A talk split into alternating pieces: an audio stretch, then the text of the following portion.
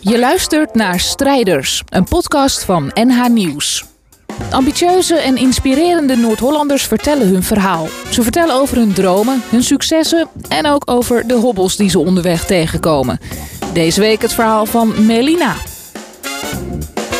Ik ben Melina Rakic, ik ben een psychiater van beroep.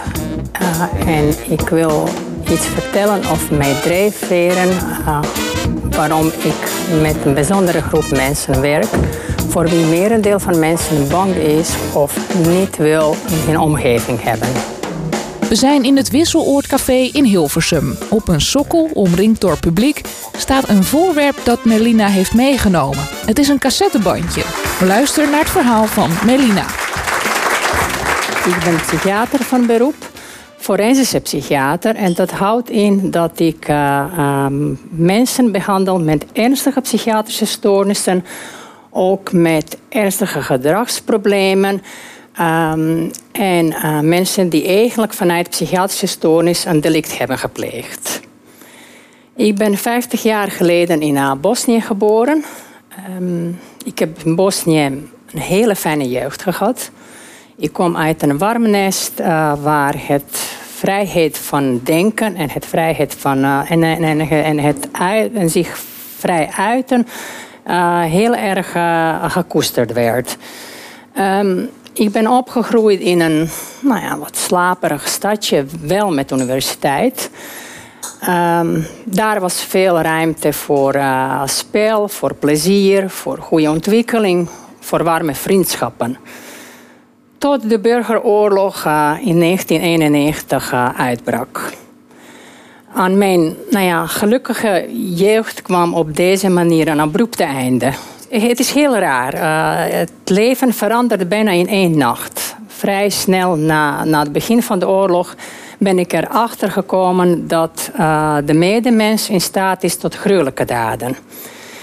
Um, een, buurjongen met wie ik in de winter uh, sneeuwpoppen maakte, ontpopte zich al in de eerste maanden van de oorlog tot een uh, oorlogsmisdadiger. Uh, ik zie hem nog lopen door onze straat uh, in een uniform van paramilitaire eenheden, trots als een pauw. En hij voelde zich geweldig dat hij angst kon inboezemen bij onze buren door opdracht te geven om hen te verjagen en hun bezittingen te, te plunderen. En een medestudent geneeskunde heeft een collega tijdens een college met, met een pistool bedreigd. Het was naar dat was naar aanleiding van, naar aanleiding van een vrij onschuldig grapje. En wij waren in shock dat hij überhaupt een vuurwapen bij zich had, maar nog meer dat hij niet zou schromen om, om het pistool te gebruiken. En ja, die oorlogsjaren waren, nou ja, zijn altijd zwaar. En vooral de winters zijn lang en koud. En um, bijvoorbeeld, wij hadden één keer per drie weken twee uur stroom. Um, er is gebrek aan alles. En dan op een gegeven moment, eh, nou ja, in het begin van de oorlog, kreeg je van een Zwitserse hulpverlenster een cassettebandje uh, met prachtige barokmuziek. Um, ik heb als kind uh, heel lang piano gespeeld. Uh, nou ja, een heel degelijke muziekopleiding ook gehad. En nou ja, denk, ondanks dat dacht ik, ja, waarom dat bandje? Wat moet ik mee? Maar toch, als er weer stroom was, luisterde ik naar die betoverende muziek. Dat gaf hoop en troost. Um, in het derde jaar van de oorlog moest ik Bosnië verlaten. Ik ben na min of meer per toeval naar Nederland gekomen. Ik had niets, uh, weinig, uh, bijna niemand en weinig vertrouwen. Gelukkig waren uh, er mensen, nou sommige volstrekt onbekenden, die hun vertrouwen mee hebben geschonken. Dat heeft mij geholpen om mijn nieuw bestaan op te bouwen en weer te leren vertrouwen. Ik heb mijn studie geneeskunde hier in Nederland afgerond. Na de studie heb ik besloten om psychiater te worden. Een mooi vak op het snijvlak tussen geneeskunde, uh, tussen gezondheid en maatschappij. Misschien veel meer dan andere vakken. Ik werk met een groep mensen die ernstig geestelijk ziek zijn, uh, vaak verslaafd, soms verstandelijk beperkt en, van sinds, uh, en sinds jongs af aan uh, beschadigd. Deze mensen zijn keer op keer getraumatiseerd, soms als kind, um, soms ook in de criminele omgeving en soms Alleen door het feit dat zij uh, een groot deel van hun leven in een psychiatrisch ziekenhuis of in gevangenis hebben doorgebracht. Zij hebben niets, bijna niemand en weinig vertrouwen.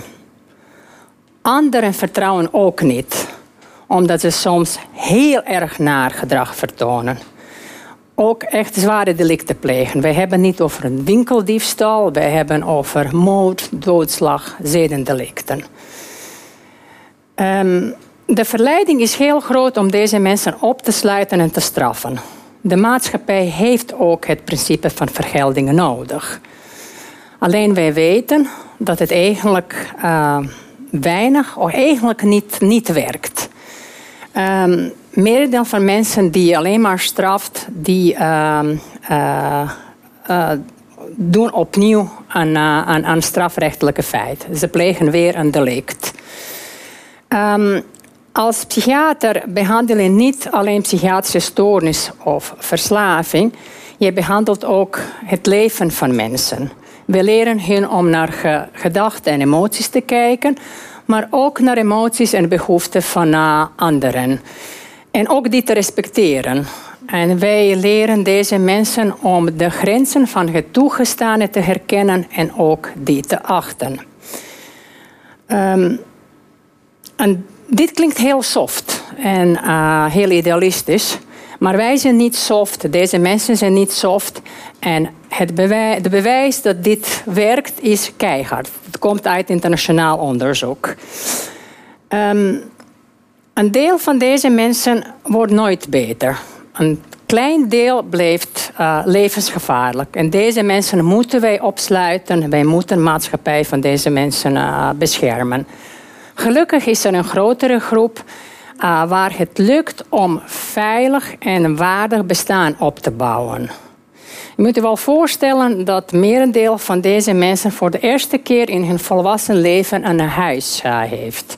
Eigen huis, eigen dak boven het hoofd, of het werk, of een andere vorm van uh, zinnige dag, dagbesteding. En um, op een gegeven moment zijn zij in staat om iets, um, ook iets moois in hun leven toe te staan. En dat biedt ook hoop en troost.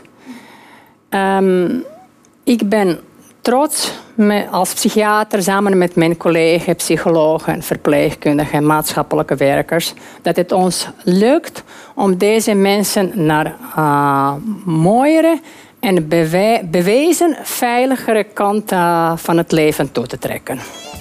Dank u wel. Leuk dat je luisterde naar het verhaal van Melina. Dit verhaal is er één uit de serie Strijders van NH Nieuws. Abonneer op deze podcast voor meer mooie verhalen van strijders.